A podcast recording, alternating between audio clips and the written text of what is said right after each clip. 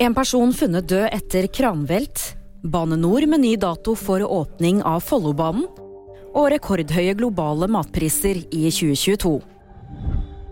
En person er bekreftet død etter at en kran på over 60 meter veltet over et kjøpesenter i Melhus. I tillegg er to personer lettere skadet. Kranen var der i forbindelse med bygging, og det er trolig vinden som har tatt den. Pårørende til avdøde er varslet, bekrefter politiet.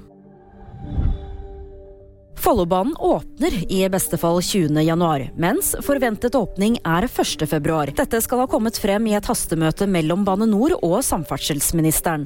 Det melder Aftenposten, som skriver at opplysningene kommer frem i et dokument de har fått innsyn i.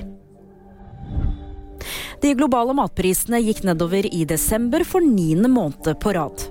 Likevel økte de med 14% sammenlignet med året i forveien, ifølge FN. Dermed var prisene på årsbasis de høyeste siden FNs organisasjon for ernæring og landbruk begynte å føre oversikt i 1990. Det var VG nyheter, og de fikk du av meg, Julie Tran.